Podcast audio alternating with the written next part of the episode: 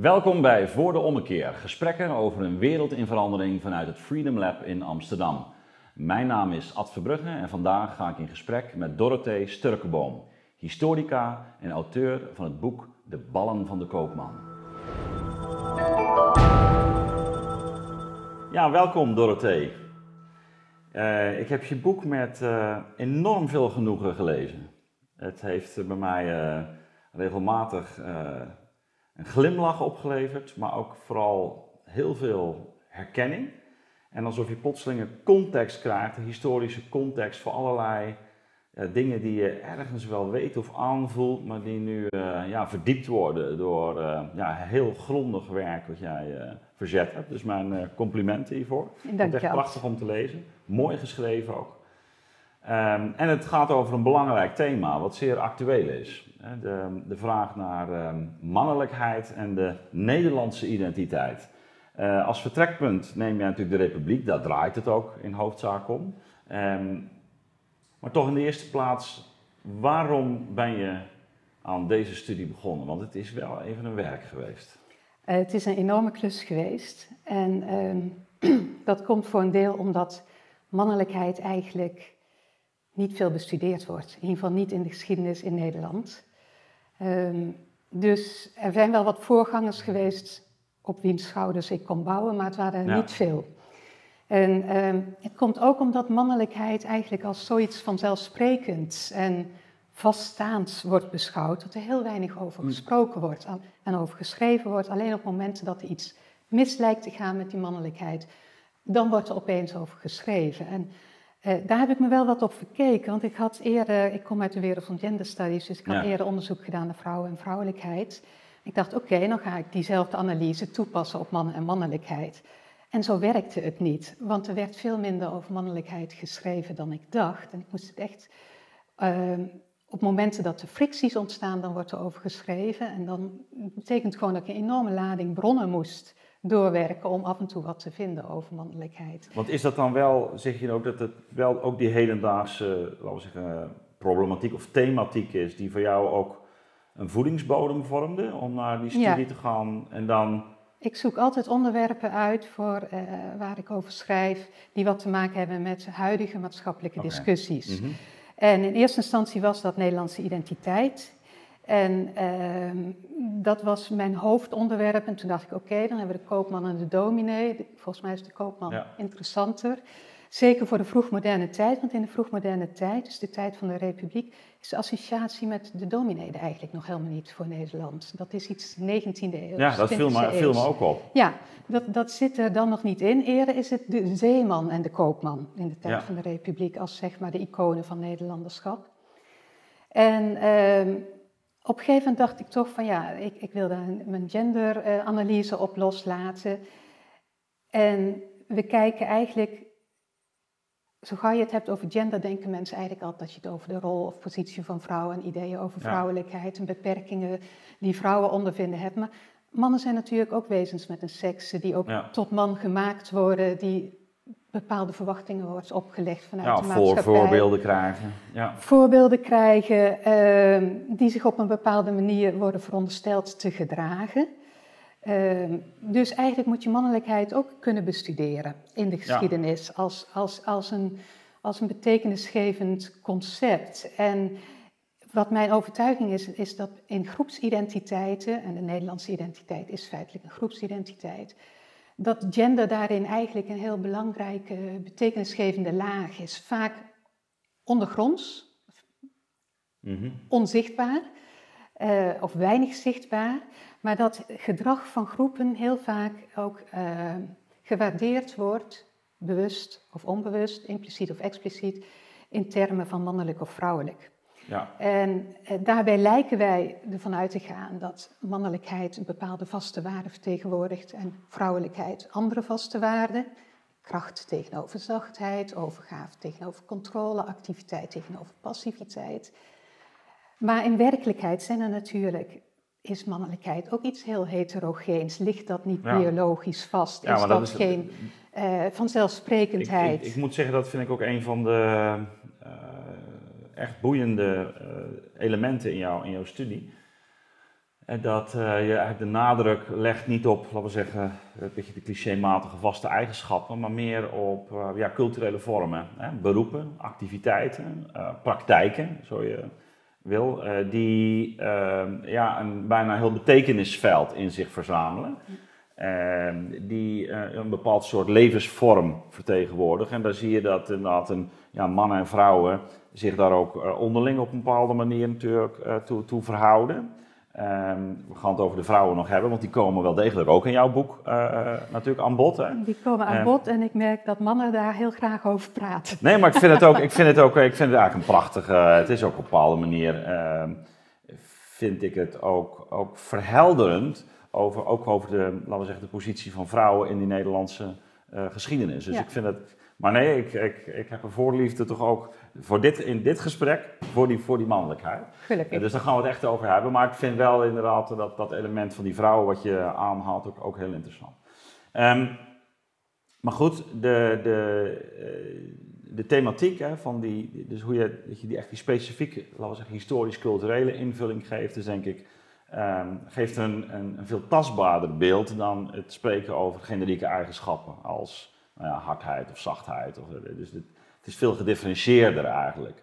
En dat, dat is sowieso iets wat uit jouw uh, hele studie naar voren komt. Eigenlijk een heel gedifferentieerd beeld van die mannelijkheid, maar ook van die Nederlandse identiteit. En Een, een van die interessante differentiaties wat mij betreft is het, uh, het onderscheid tussen de, de blik, het beeld dat vanuit het buitenland bestaat, ehm, het beeld dat binnen Nederland bestaat en, en het beeld dat, uh, of niet het beeld, de praktijken zoals je ze beschrijft. Want dat komt niet altijd overeen. Nee.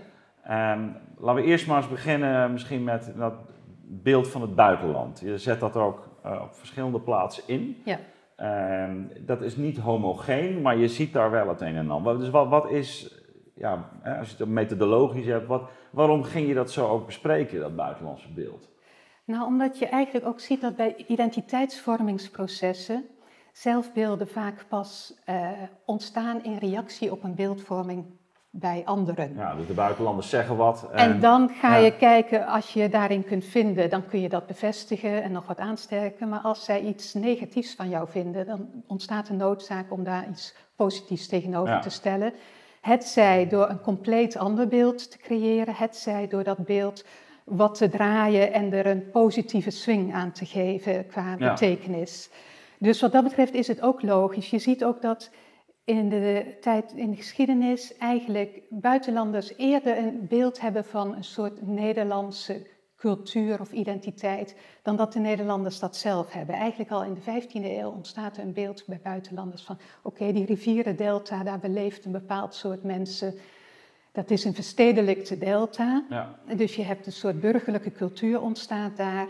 En daar horen bepaalde eigenschappen bij. Want in een stad ga je anders met elkaar op dan op, om dan op het platteland. En eh, pas tijdens de 80-jarige oorlog zie je dat er geleidelijk ook een zelfbeeld eigenlijk ontstaat.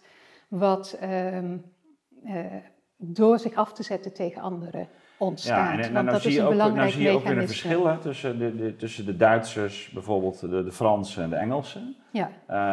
Uh, dus hoe die over ons denken en spreken. Uh, jij wijst er ook op dat dat ook heel vaak samenhangt met hun eigen positie, ook, ook soms militair, politiek. Ja. Uh, dus, dus laten we eens een paar van die beelden uh, bekijken. Van wat zeggen de Engelsen zoal over, over ons in die pak een beetje 17e eeuw? Ja, de Engelsen, dat zijn aanvankelijk in de 80-jarige oorlog uh, bondgenoten. En dan zien zij ons ook als een, als een natie die wel lijkt op ze, henzelf. En dat klopt ook, hè, historisch gezien. Ja. Zij zijn ook handeldrijvend. Ze hebben ook al, uh, protestantisme heeft een stevige voet aan de grond. Ze hebben ook een vrij vroege democratiseringstendens in de samenleving. Um, maar je ziet ook heel snel dat er een bepaalde concurrentie ontstaat. En met identiteitsvormingsprocessen zie je vaak dat de noodzaak om je af te zetten, die manifesteert zich eigenlijk het sterkst bij diegene op wie je het meest lijkt. Daar is het het hm. interessantst om daarvan te laten zien dat je anders bent. Uh, ja, om, ja, het is helemaal niet relevant om, om te laten zien dat je anders bent dan de Russen, maar wel dan je buurland. Ehm, en dus dat is eigenlijk het afzetten tegen de meest nabije ander. En uh, de Engelsen gaan dan bijvoorbeeld stellen van, nou, die Nederlanders, dat zijn kooplieden, maar een hele burgerlijke uh, soort kooplieden. Ze zien zichzelf als gentleman merchants, dus als beschaafde kooplieden. En wij zijn dan meer de platte handelaren. En um, in de loop van de 17e eeuw lopen de Engelsen er ook tegenaan dat wij ons als bondgenoten uh, niet altijd even betrouwbaar gedragen. Ja, of, of, of zijn we natuurlijk op een gegeven moment in oorlog. Op een gegeven moment zijn we in oorlog. Die competitie geeft nog meer uh, frictie natuurlijk en meer negatieve beeldvorming. En wat je dan als beeld krijgt bij de Engelsen, en dat is wel interessant, is dat ze heel sterk zeggen van, nou ja, die kooplieden die Nederlandse kooplieden in ieder geval, die hebben de neiging om confrontaties uit de weg te gaan. Dat is heel raar, die oorlogen hebben we. Maar toch zeggen ze, als we ze op zee tegenkomen, dan durven ze ons ook alleen aan te vallen als ze met een groep zijn. Op het land met vechten stellen ze helemaal niks voor, die Nederlanders. Dan huren, ze, dan huren ze anderen in om voor hen te vechten. Um, ze hebben eigenlijk geen mannelijk eergevoel en dat hoort bij die koopmansmentaliteit, want koopmansmentaliteit um, is confrontatiemijdend. Je blijft on speaking terms met je klanten. Je bent op een bepaalde manier probeer je vriendelijk en inschikkelijk te zijn naar je klanten toe. En zij plakken dat op ons als volk, als een algehele uh, identiteit, dat wij eigenlijk ter wille van het profijt te, ja, eigenlijk niet, niet zo moedig zijn. Uh, wat natuurlijk heel vreemd is, want het wringt met die werkelijkheid waarin we die oorlogen voeren met Engeland en uh, af en toe ook wel een, een zeeslag winnen. Ja, maar, maar het is denk ik, waar je, waar je ook op wijst, is dat dat beeld dat de Engelsen schetsen en vervolgens ook wel op, op andere plaatsen in Europa aankomt. Hè? Dus, dus je krijgt dan het, het idee van de inhalige koopman, het, het, het, kleinburgerlijk, maar ook gierige, het, is niet een heel prettig beeld. Wat er, nee, uh... aanvankelijk zeker niet.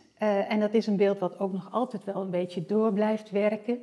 Maar je hebt eigenlijk vanuit de oudheid en, en het vroege hmm. christendom een negatieve beeldvorming over koopmanschap. Ja, ja bij Plato en Aristoteles ligt het al heel moeilijk. Ja. Eigenlijk kan iemand niet deugen, zegt Aristoteles nee, in zijn politica. Het wordt geassocieerd met morele grensoverschrijdingen ter wille van profijt, het, het uh, winst maken ten koste van de medemens, woeker, dat soort dingen allemaal. Dus in het begin van de tijd van de republiek is ook... Uh, niet iedereen in de republiek zich zo aan het identificeren met dat koopmanschap en met die handel. Want dat is eigenlijk niet iets positiefs om je mee te identificeren. Dat, dat ontstaat eigenlijk pas in de loop van de tijd van de republiek, 17e, 18e eeuw, dat ook andere delen van het land zich daarmee gaan identificeren. Je kan inderdaad zeggen, ja, je wijst daar ook op, hè, dus dat is eigenlijk een, een republikeins denken, traditionele, zoals je dat bij Plato Aristoteles tegenkomt, uh, en wat doorwerkt in de middeleeuwen, de, de, die is toch sterk aristocratisch getekend. Ja. Uh, waar, uh, nou ja, moed, een van de, de kardinale deugden, heel belangrijk is. Ja. Ehm, dus ook strijdvaardigheid en de bereidheid daartoe. Ehm, dus laten we zeggen de aristocratische moraal. Die, ja. die, dat, dat is misschien in Engeland, gezien de klassenmaatschappij, nog wel iets sterker aanwezig. Sluit ik ook niet uit, overigens. Ja, ik denk Die aristocratische geest. Ja. Ehm, Eigenlijk dus in alle omringende landen nog in die tijd. Nederland loopt een beetje voorop, zowel noordelijke als de zuidelijke Nederlanden, omdat wij zo sterk verstedelijkt uh, zijn. Eigenlijk een van de meest verstedelijkte regio's op dat moment ook al in Europa.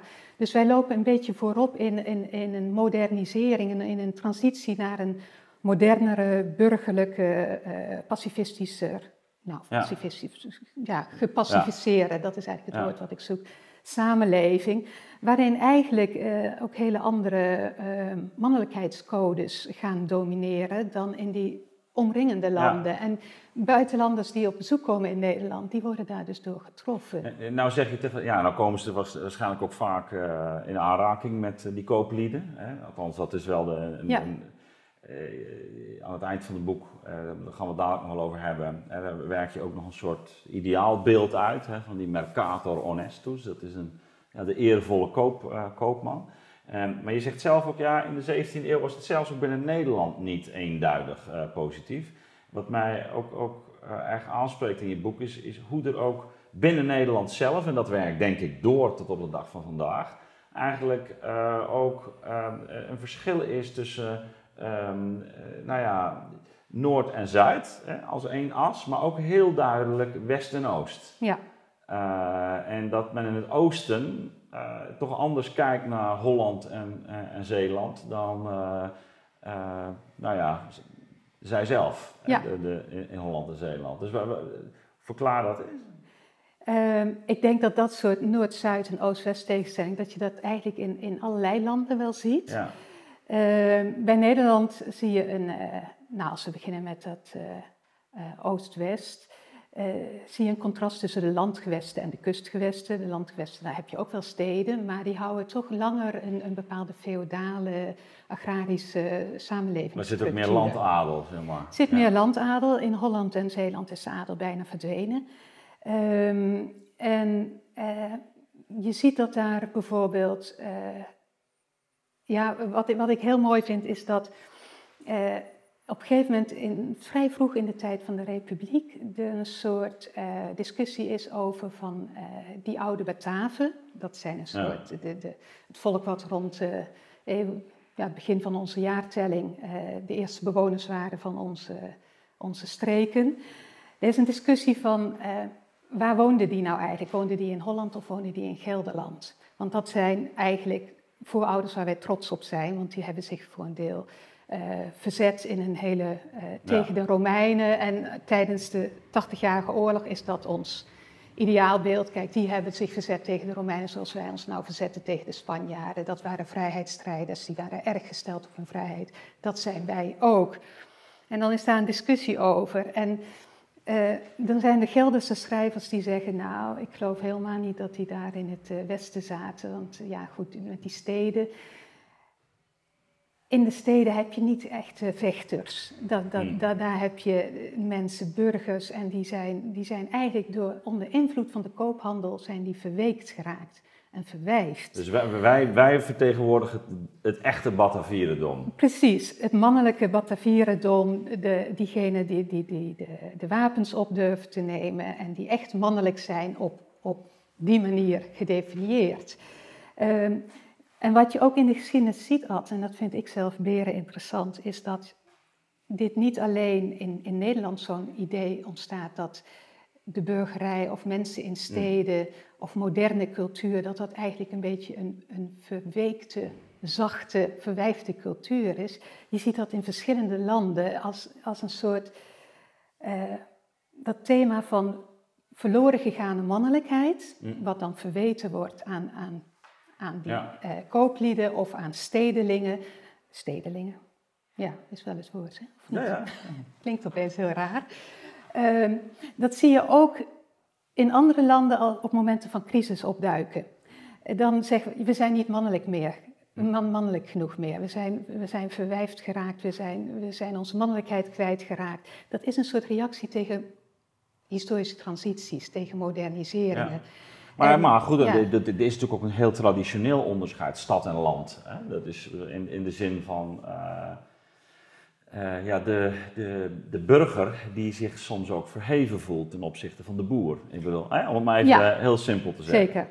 Uh, dus dus een, een zeker antagonisme ja. uh, is denk ik al heel oud. Dus ja. in de middeleeuwen En, en eigenlijk zijn het allebei gestereotypeerde anderen waartegen je je afzet. En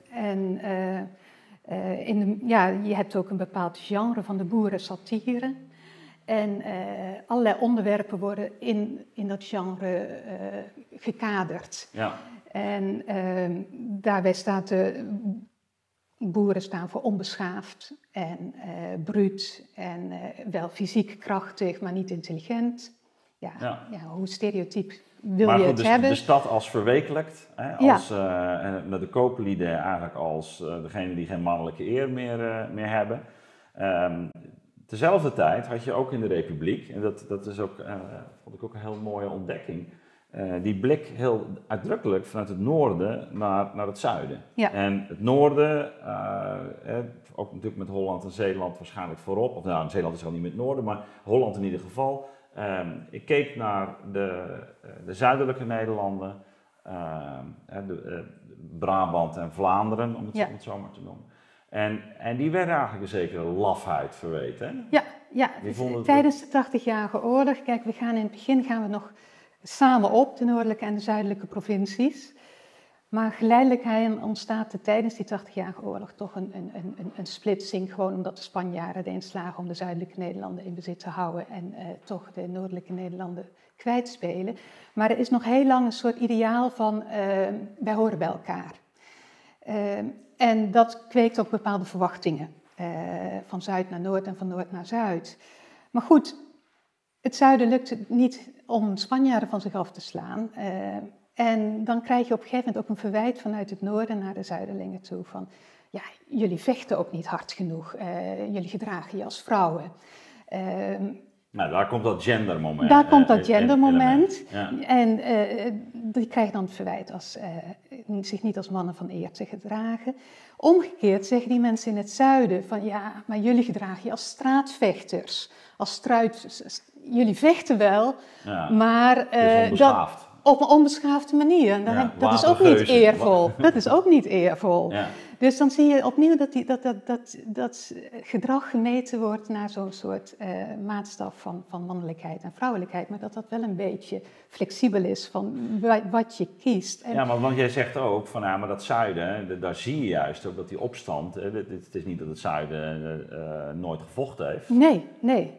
Nee, en die zijn eigenlijk, daar is het ook eigenlijk bijna begonnen. ja, dat zeg je, daar en, en, en allerlei dingen die wij nou als typisch Noord-Nederlands voor onze cultuur beschouwen, die zijn eigenlijk uh, meegekomen naar het noorden met de vluchtelingen uit, uit Antwerpen en andere Vlaamse steden. Ja, dat vond ik ook opvallend.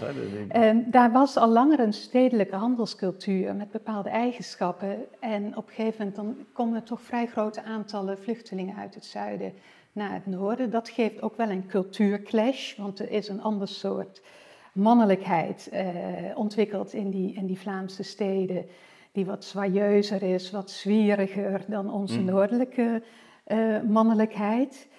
Ook dat is een bekend stereotype en tegenstelling die je ook in andere landen mm. wel ziet. Um, het noorden wordt vaak geassocieerd met een bepaalde um, met hard werken, met, betrouwbaarheid, met soberte, met rationaliteit en ordelijkheid. Kleur, kleurrijk. Is, is ja. kleurrijker, zwaaieuzer, maar in de beeldvorming vanuit het noorden dus ook onbetrouwbaarder. Ja. En een beetje te veel op uiterlijkheden gericht. En uh, lui en chaotisch. Um, ehm, het is heel interessant, die, die tegenstelling zie je ook in andere landen tussen Noord en Zuid. En soms ook tussen continenten. Maar bijvoorbeeld ook maar je ontkomt er bijna niet aan als je kijkt naar het landschap. Eh, om, om, om te zeggen van nou, ze hebben ook wel een zeker punt. Uh, als je de zuidelijke Nederlanden qua tot op de dag van vandaag ruimtelijke ordening ziet en je zet het tegen Friesland af of zo, dan... Uh, ja, maar weet je, als je het historisch bekijkt, had, ik vind het zo intrigerend. In de 16e eeuw schreef Junius, dat was een Nederlandse mhm. humanist, die schreef al dat er een verschil was tussen het platteland van Noord-Holland en Zuid-Holland. Hm. En dat ze in Zuid-Holland lui waren omdat ze aan de, zon, omdat ze aan de zonzijde uh, leefden, uh, terwijl er in Noord-Holland hard gewerkt werd. Ja ik, Ik, ja, ik kan dan alleen maar lachen. Ik denk, dit is zo'n stereotype wat zichzelf herhaalt en wat je ook, want dat is vaak met stereotypen. Jij zegt, nou, je komt er niet aan als je daar kijkt. Het is daar gewoon chaotischer. Dat is omdat jij die verwachting ook hebt. Dus herken jij dat en zie jij dat. En op de plekken waar het wel strak, strak geordend is, zie jij niet dat dat stereotype op dat moment niet meer die klopt. Die plek die, die, die speelt absoluut mee, maar ik, ik, ik, ik heb ook enige... teken. je weet, ik ben in het grensgebied opgegroeid, dus ik heb van beide, beide smaken wel wat meegekregen. Ook, ook aan de universiteit, ik ben in Leuven gepromoveerd. Dat is toch anders weer dan... Uh, dan, dan de vuur, kan ik je verzekeren. dat, dat, dat, dat geloof ik wel. Maar of het zo sterk verschillend is, al die mensen die niet binnen het stereotype gedrag passen, nee, daarvan zien wij niet dat, dat, dat, dat het stereotype ontkracht. Je blik wordt er absoluut toch. Eh, wat interessant is, het wordt inderdaad ook aan mannelijkheid gekoppeld. Hè? Dus, dus eh, die, die, dat er dat onderscheidt. Uh, het interessante aan uh, je, je studie is ook dat uh, vanuit de, de, buitenlanders ook de, de, Nederlandse man toch regelmatig uh, ook uh, kritisch wordt beoordeeld, omdat men vindt dat hij eigenlijk onder de plak van zijn vrouw zit. Ja. Je schetst dat, dat is eigenlijk al in de 17e eeuw, de strijd om de broek. Ja.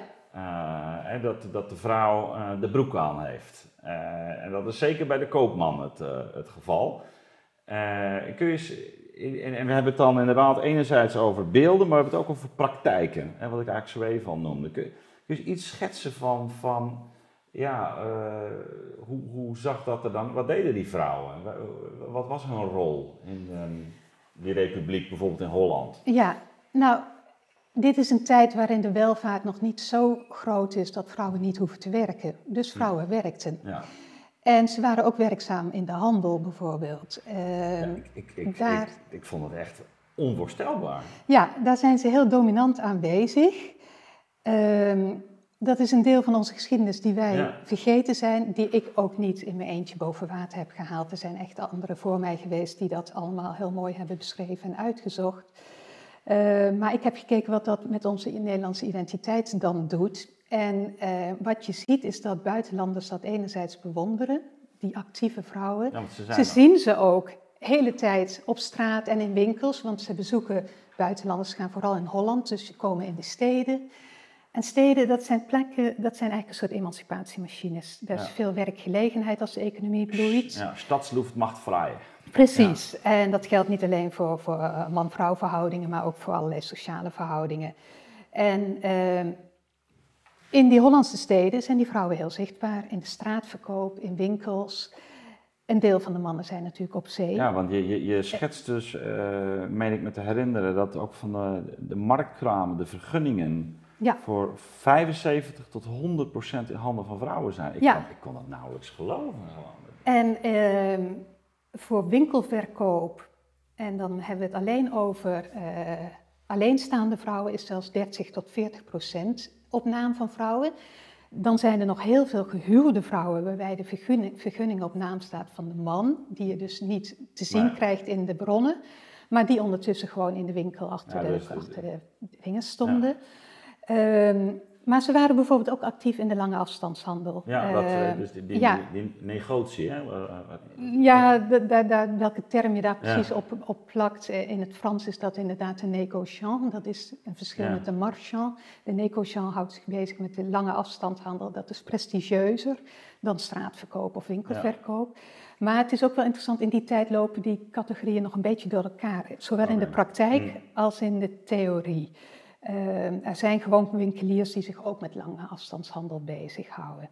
Dus vrouwen zijn heel duidelijk zichtbaar in de handel. En uh, nou is dat ook wel zo in andere Europese steden, maar uh, blijkbaar net iets minder omdat er, of minder bepalend omdat andere regio's minder verstedelijkt zijn. Dus het wordt een soort opvallend iets voor buitenlanders om over te schrijven. Die zelfstandige handelende Nederlandse vrouwen, en dat wordt enerzijds bewonderd, want die vrouwen kunnen rekenen, die kunnen verschillende talen spreken, uh, die redden zichzelf, kunnen boekhouden. Nou, dat is iets wat in heel veel andere landen nog niet geleerd wordt aan vrouwen. Um, dat bewonderen ze, maar tegelijkertijd zeggen ze ook van die vrouwen worden daar zo zelfstandig van, zo geëmancipeerd, dat ze de neiging hebben zich ook met andere mannen zaken te bemoeien. Dat zegt men bij de Romeinen al, hè? Over... Over? Over de, over de, de, de vrouwen van de... Over de Germaanse, vrouwen. Germaanse vrouwen. Ja, ja, want je ziet dat bepaalde historische beeldvorming dan samenkomt. Dus die, die, die zelfstandige uh, mannelijke Germaanse vrouwen, dat gaat samen hier met inderdaad dat topos van die, die uh, ja. zelfstandig handelende maar goed, zijn vrouwen. onderbouw je het ook, hè? of tenminste ja. is het onderbouwd. Ja. En dus, dus je ziet dat die vrouwen heel uh, actief zijn, met name in die steden, in die handel. En soms ook wanneer de man het ambacht uh, uitoefent dat de vrouw de winkel doet. Ja. Dus uh, hij is schoenmaker, zij, zij staat in de winkel. Of hij is bakker en zij staat in de winkel. Iets wat we denk ik tot op de dag van vandaag tegenkomen. Echtparen waar, waar zo'n soort rolverdeling uh, is. maar je voegt daar nog wel wat aan toe. Dat die vrouw dan ook regelmatig, omdat ze dus kennelijk financieel handig is...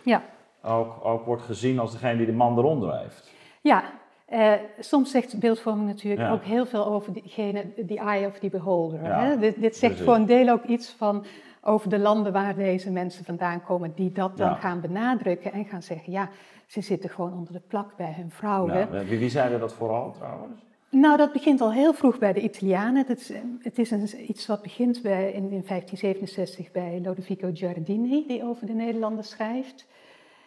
En dat blijft volgens mij tot de dag van vandaag doorgezet worden als, als een soort uh, uh, beeld, stereotyp beeld. Ja, ja, ja, Die, die super geëmancipeerde Nederlandse vrouwen die zich niet zoveel uh, laten zeggen door hun mannen en die ook niet zo heel vrouwelijk worden. Ze, ze, zijn een beetje mannelijk, die Nederlandse vrouwen, zowel qua fysiek vindt men dan, als qua inderdaad hun handelwijze. Um, en het wordt in de 16e eeuw wordt dat ook doen gezien. ze toch heel goed hoor, vandaag de dag nog. Dus, dus. Ja, ja, ja, ja, ja, ja, ja, ja. maar we, er is ook dat beeld van die vrouwen die gewoon ja, uh, op de fiets zitten uh, en nooit een rokje aan hebben. En, uh, de broek aan heeft. korte haren hebben en geen, nou goed, dat soort dingen. Maar dat, ehm, dat beeld van die broek is dan heel belangrijk hè, daarbij. Ja, de broek symboliseert eigenlijk in die tijd nog gewoon mannelijke autoriteit. Die werd nog niet zoveel gedragen door vrouwen. Uh, op een gegeven moment ontstaat wel een moment dat vrouwen onder hun rokken een broek aantrekken tegen de kou. Uh, maar uh, eigenlijk is de broek het symbool van, van mannelijke autoriteit in het huishouden. En, en je hebt die, op een gegeven moment een, het van de strijd om de broek. Dat is een, in Noordwest-Europa een, een meerkomend voorkomend topos, wat vooral in stedelijke gebieden opnieuw aan relevantie wint. Waarin je ziet dat man en vrouw om die broek vechten. Die man die heeft die broek nog maar half aan en die vrouw die probeert die broek te krijgen. En je hebt daar plaatjes van, je hebt de toneelstukken die dat thema eh, behandelen. En eh, het is eigenlijk een, een, een brede topos, maar in Nederland wordt het geassocieerd door buitenlanders met dat handeldrijven. Dat de vrouwen daar zo zelfstandig van zijn geworden en zo bazig zijn van geworden dat ze eigenlijk die macht die ze daarmee verwerven niet meer terug willen geven aan de man op het moment dat hij bijvoorbeeld terugkomt van een handelsreis. Um, en dat is, dan is ons imago als handelsnatie blijkbaar al zo sterk gevestigd dat dat topos in dat frame wordt gebracht. Um, en dan is het eigenlijk ook een verdere bevestiging van dat handel, dus eigenlijk de de seksenverschillen dus ondermijnt. Ja, hè? De, de soort natuurlijke orde, althans dat zegt men dan. Uh... En niet alleen de seksenverschillen, want dat gaat symbool staan voor ook andere soorten ja. gezagsverhoudingen. Uh, handel is iets tussen gelijkwaardig, het stimuleert vrijheid. De kritiek van uh, anderen is dat Nederland eigenlijk een, een, samenleving is, is die eigenlijk te egalitair is, waar te weinig onderscheid is tussen de standen, waar de lagere klassen te weinig respect hebben voor de hogere klassen. Ja. Kinderen, kinderen ook niet meer voor ouders, hè? Dat kinderen niet voor ouders. De vorst hebben ze gewoon de laan uitgestuurd, dus de traditionele gezagsverhouding vorst onderdanen is er ook niet meer. En dat, dat he, ze zien dat allemaal terug via dat analoge denken wat er dan eigenlijk nog is, samengebald in die man-vrouw verhoudingen die dan te egalitair zouden zijn door dat handeldrijven. Ja. Nou, nou, nou, nou, geef je zelf ook aan, het is vaak natuurlijk ook uh, weer een eenzijdig beeld hè, wat, wat, wat er ontstaat. Of men ziet allerlei dingen niet, die er natuurlijk wel degelijk uh, zijn, ook, ook qua gezagsverhoudingen. Um, maar één, één element wat je ook heel uitdrukkelijk benoemt is uh, dat, dat naast natuurlijk het beeld van uh, de decadentmakende handel, er ook nog zoiets is, en je hebt er al even aan geraakt, van ja, een soort vrijbuiters, uh, onbeschaafd of woest. Ja. ja. Er is een ander. Uh, uh, ja, misschien kun je daar nog even iets over. over uh... Ja, want kijk, we hebben het nou vooral over die zachte, meegaande ja. stijl van koopmanschap gehad. En die domineert in ieder geval de beeldvorming over de republiek zelf. Maar over zee gedragen wij ons heel anders. Uh, en daar hebben wij eigenlijk een hele harde, militante, commerciële mannelijkheid ingezet om onze rijkdommen daar vandaan te halen. Uh, over zij zetten wij wel degelijk zelf geweld in. Uh, de VOC en de WIC. Uh, eh, Zelfs vrouwen las ik in je boek, hè? Er zijn vrouwen die, die verkleed als man aanmonsteren. Nee, maar ook, ook die koloniale vrouwen die als bijzonder ja. vreed worden getypeerd soms. Ja, ja, ja. dat is ook een bepaald stereotype. Ik denk dat vrouwen even vreed kunnen zijn als mannen. Dat denk ik ook, ja. Maar zij krijgen het zelfs verwijt dat ze, dat ze nog, nog vreder zijn dan mannen. En dat, daar geloof ik eigenlijk mm. niet zo. Maar dat is omdat het verwachtingspatroon bij vrouwen juist is dat ze zacht en vriendelijk zijn. En dan valt het des te meer op als je daar ook uh, koloniale slavenmeesters, meesteressen hebt, die ja, hun maar dat is, te mishandelen het is, ook een.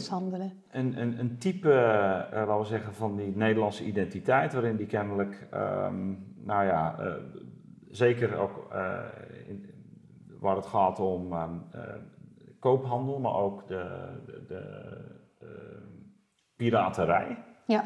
En, en toch een heel eigen moraal aan de dag legt.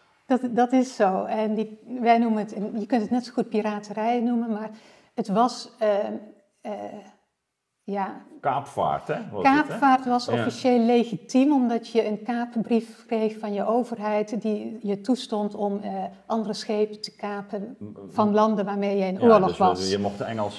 ja, ja, en dat zou dan legitiem zijn. En nou ja, je hebt op die zeemanscultuur is sowieso een veel ruwere soort cultuur natuurlijk.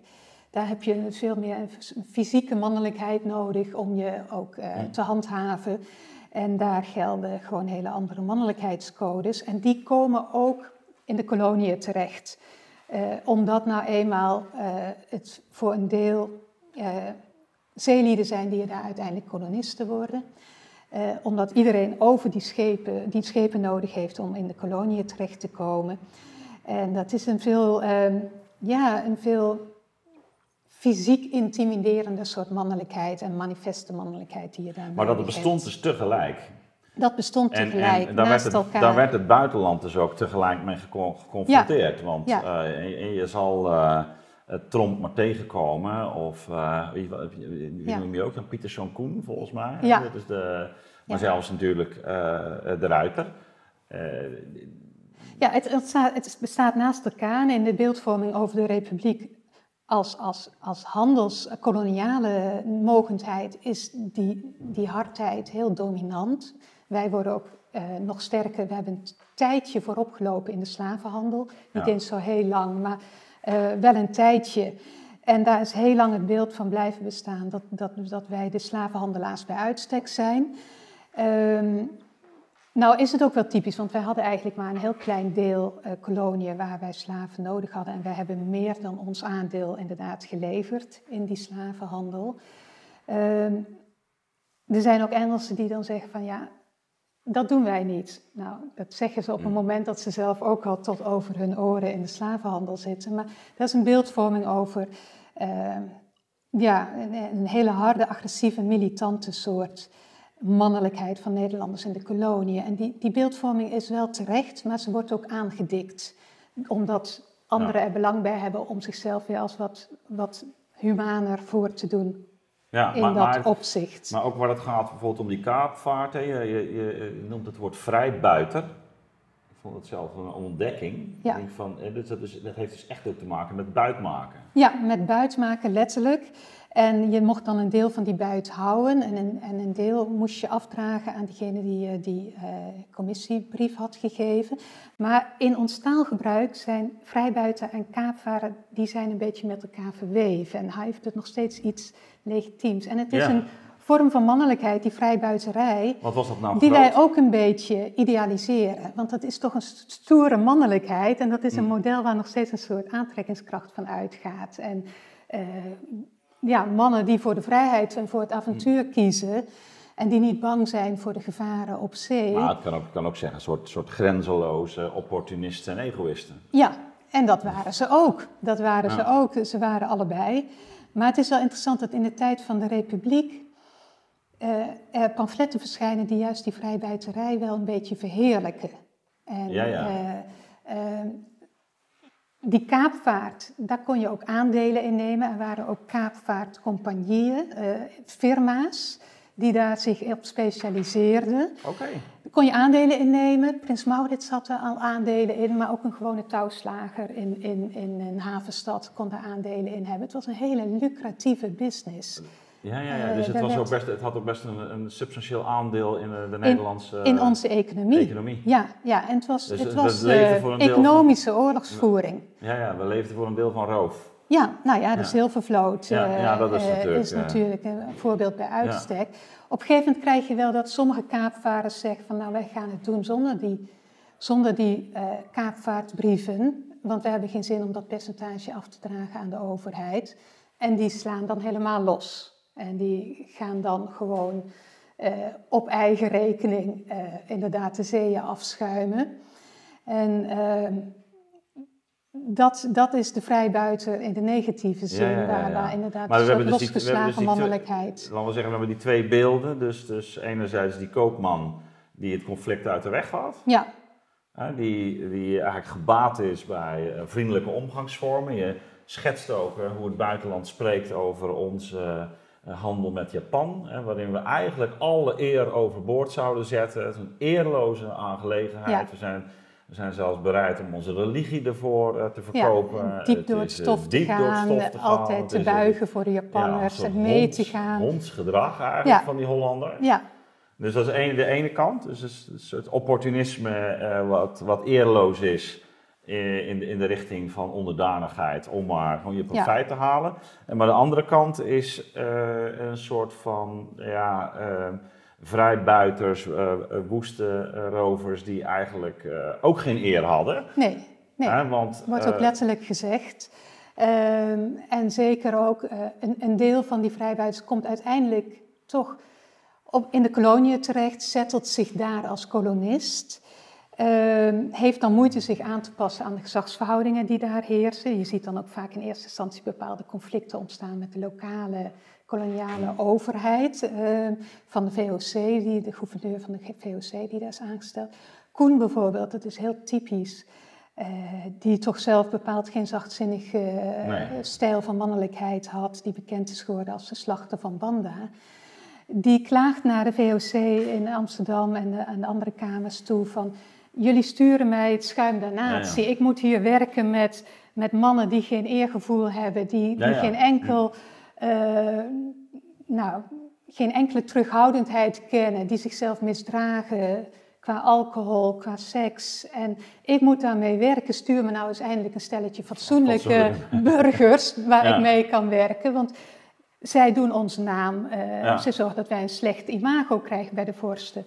Hij zelf is even intimiderend in zijn gedrag naar anderen toe.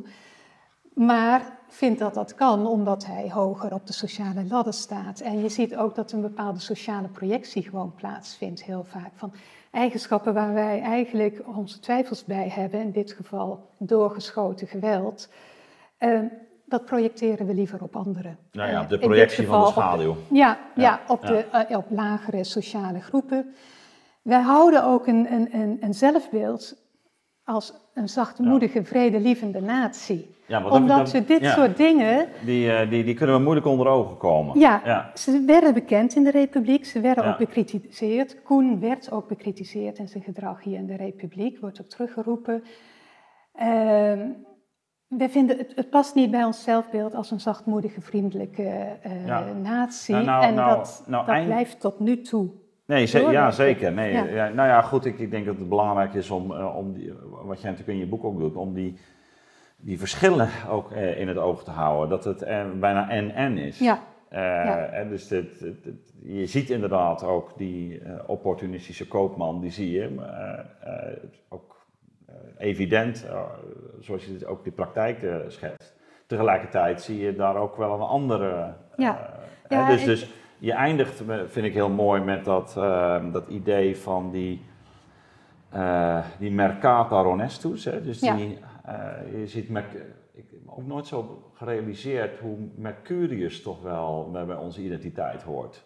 Hè? Dus de, de, de, Griekse god Hermes, dus de, de, de, god van de handel. Je ziet hem natuurlijk nog steeds op, ja. ons, op onze beurs. Hè? De, de, eh, de handel, maar het is natuurlijk ook de, de, de, de verbinding, de, de talen. Hè. De, Mercurius Hermes is ook hermeneutiek. Dus de, de, de, enorme talenkennis, die, die kennelijk toch ook al in de 17e eeuw opvalt voor buitenlanders, wat natuurlijk samenhangt met die handel. Dus verschillende talen die wij uh, beheersen. Um, en je eindigt met, met, met die, die, die handelaar als een soort, uh, ja, een, een deugdelijke, ja. een eervol niet, niet een eerloos, maar als een eervolle identiteit. Ja, dat, dat is eigenlijk de tijd van de Republiek, is de tijd waarin die transitie plaatsvindt van de negatieve associaties met koopmanschap naar positieve associaties. Uh, dat komt voor een deel van de kooplieden zelf, die handboeken schrijven en daarin zeg maar de hele tijd benadrukken uh, dat de handel ook positieve dingen met zich meebrengt. Uh, welvaart voor meer mensen, stimulering van wetenschap, van beschaving. Om met andere volkeren te kunnen omgaan, heb je een bepaalde open, tolerante houding. Ja, je schetst het ook. Hè? Dus bijvoorbeeld met iemand als Barleers, maar ook dat, die, dat er echt welgevormde kooplieden zijn. Ja. Die dus ook zich in wetenschap, soms zelfs nog promoveren. Je moet heel veel weten ook om uh, succesvol handel te kunnen draaien. Eh, je, je, bent continu informatie aan het verzamelen en aan het wegen en aan het inschatten. Ja. Kooplieden lieten zich ook voorstaan, op voorstaan dat ze wel een bepaalde uh, geletterdheid hadden, een bepaalde eruditie. En uh, dat beeld weet op een gegeven moment steeds positief, steeds dominanter ja, te worden. Je, je wijst er ook op vanuit de zaak ook de zin voor avontuur. Dus de koopman die op, op pad gaat. Hij, op pad gaat, je ondernemend hij is. Moet, hij, moet, hij moet ook een goede fysiek hebben, zeg je op een gegeven moment. Ja, voor al die reizen. Ja. Hij moet ook risico's durven nemen. Hij moet enerzijds voorzichtig zijn, geen onnodige ja, risico's dus nemen. prudentia. Precies. Maar anderzijds moet hij wel, anders heb je geen verdienmodel, bepaalde risico's durven te nemen. En daarvan zeggen de kooplieden dus ook van, wij zijn wel degelijk mannelijk en moedig in dat respect. Wij, wij gaan af en, en daarom mogen wij ook winst maken, want wij lopen bepaalde risico's. En wat ik nou uh, in die koopmanshandboeken veel tegenkom als een soort ideaalbeeld, waarop gehamerd wordt, is inderdaad dat ideaalbeeld van de eerzame koopman. Ja. Uh, het is een ideaalbeeld, de praktijk zal er vaak, hebben ze zich er vaak niet aan gehouden, maar er werd wel op gehamerd. Als ergens heel veel op gehamerd wordt, dan is dat vaak juist als teken dat de werkelijkheid er anders uitziet. Maar het is wel een mooi ideaalbeeld en dat is namelijk het ideaalbeeld van iemand die, uh, op een, uh, die met een schoon geweten winst maakt. En dat betekent eerzaam, zonder andere schade te berokkenen, uh, zonder anderen te bedriegen, zonder extreem maximale winst te maken. Je, gaat, je neemt genoegen met redelijke winsten, zodat ook de andere, je gunt de ander ook nog iets.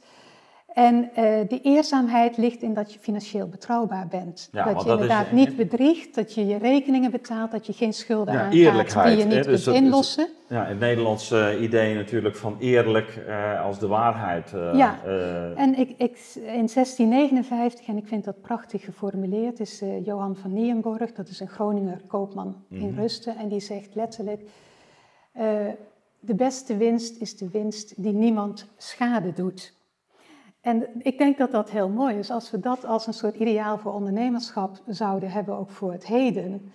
Uh, je mag winst maken, maar je moet geen winst maken ten koste van anderen of met verborgen schade aan anderen. Ja, nou en, ja, het is uh, leuk dat je aan het heden refereert, want ik, ik toen ik dit las, uh, realiseerde ik me inderdaad ook dat je ook binnen die wereld van de handel echt dat onderscheid moet maken. Wat ik me eigenlijk nooit zo gerealiseerd had.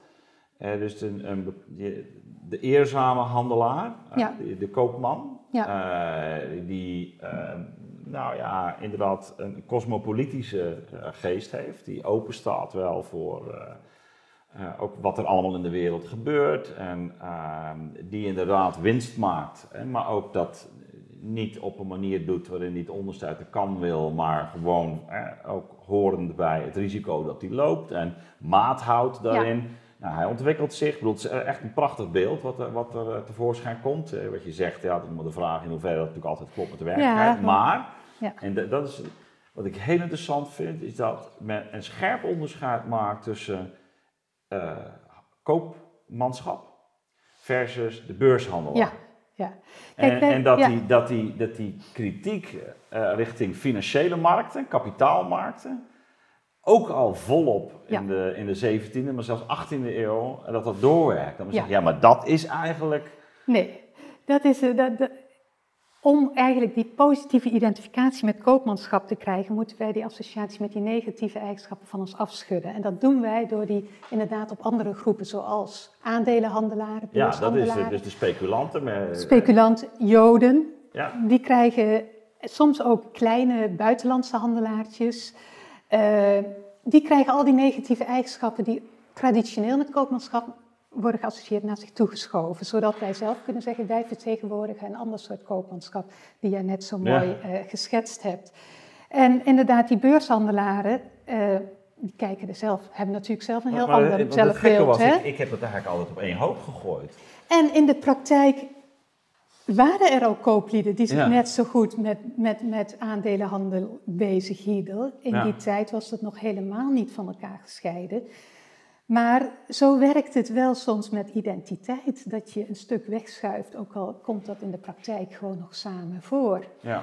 Ehm, en, en die beeldvorming, ja, die, die, is, uh, die is vrij stevig negatief. Er zijn natuurlijk ook al uh, bepaalde crisis, hè? de tulpengift. Ja, ja, de tulpencrisis was uh, 16, ja, 60, 70 ergens? Ja, volgens mij iets eerder, maar oh, ja, ja, ja, ja, en je hebt de windhandel in de, in de 18e eeuw, dan, dan hebben we ja, beurscrisissen en dan krijg je opeens heel veel teksten en pamfletten en toneelstukken over dat onderwerp. Over de, over de windhandel. Ja, ja. wordt dan ook geassocieerd met iets wat uit het buitenland is aangewaaid, want... Uh, uh, of het wordt geassocieerd met die kleine, die kleine luiden die niet zo goed weten hoe ze fatsoenlijk handel moeten drijven. Terwijl ondertussen grote kooplieden zich wel degelijk ook daarmee bezig hielden. En uh, ja, die, die, die financiële handel, dat wordt toch beschouwd als iets wat um, veel speculatiever is en uh, risicovoller. Nou ja, ik moet er ook Terwijl dat helemaal niet zo hoeft te zijn. Je kunt ook op een hele nee, prudente wijze met aandelenhandel bezig zijn. Zeker, zeker. Maar uh, ik realiseerde me wel dat, uh, dat die, die differentiatie binnen Nederland als handelsland, dat dat wel een, een dat is, vind ik ook een vruchtbaar onderscheid. Ik zeg, ja, er is wel een verschil. En um, dat men kennelijk dat ook vroeger wel al zo ervoer. En uh, men ook zag dat dat natuurlijk uh, ja, de dynamiek van het geld ook zo zijn keerzijde of schaduwzijde ja. uh, heeft. Ja, ik, ik vond het een heel mooi boek. Ehm, ook, zoals ik al bij opening zei, ook iets wat voor mij ook wel ja, op een andere manier heeft doen kijken naar Nederland. Ook, op een iets geschakeerdere manier weer. Uh, wat was voor jou de belangrijkste les uit het boek? Uit het onderzoek? Uh, dat mannelijkheid zich veel minder makkelijk laat analyseren en bespreken en bediscussiëren dan vrouwelijkheid. Omdat het een soort vanzelfsprekende norm is, die dus niet opvalt, die wel heel erg aanwezig is als een soort uh, onzichtbare as in onze cultuur, maar waar te weinig over gesproken wordt. En ik hoop echt dat wij leren om dat ook te zien als iets wat ja, gelaagd is, heterogeen. Er zijn verschillende stijlen en modellen en gedragsrepertoires van mannelijkheid. Maar ja, het is ongrijpbaarder. het is minder grijpbaar. Ja, want ook, ook, ook dat, hè, het, het stereotype beeld wat je, wat je misschien hebt, ook, ook over het idee van mannelijkheid in de 17e eeuw ja, dat doorbreek je wel ook op die, op die, op, op die manier door het zo ja, rijk neer te zetten. Maar er gaat eigenlijk een hele sterke ideologische werking uit van mannelijkheid. En dat is eigenlijk uh, wat ik zelf in dat onderzoek ook, ook tegenaan ben gelopen. Ja. ja, nou heel mooi. Hartelijk dank. Graag gedaan.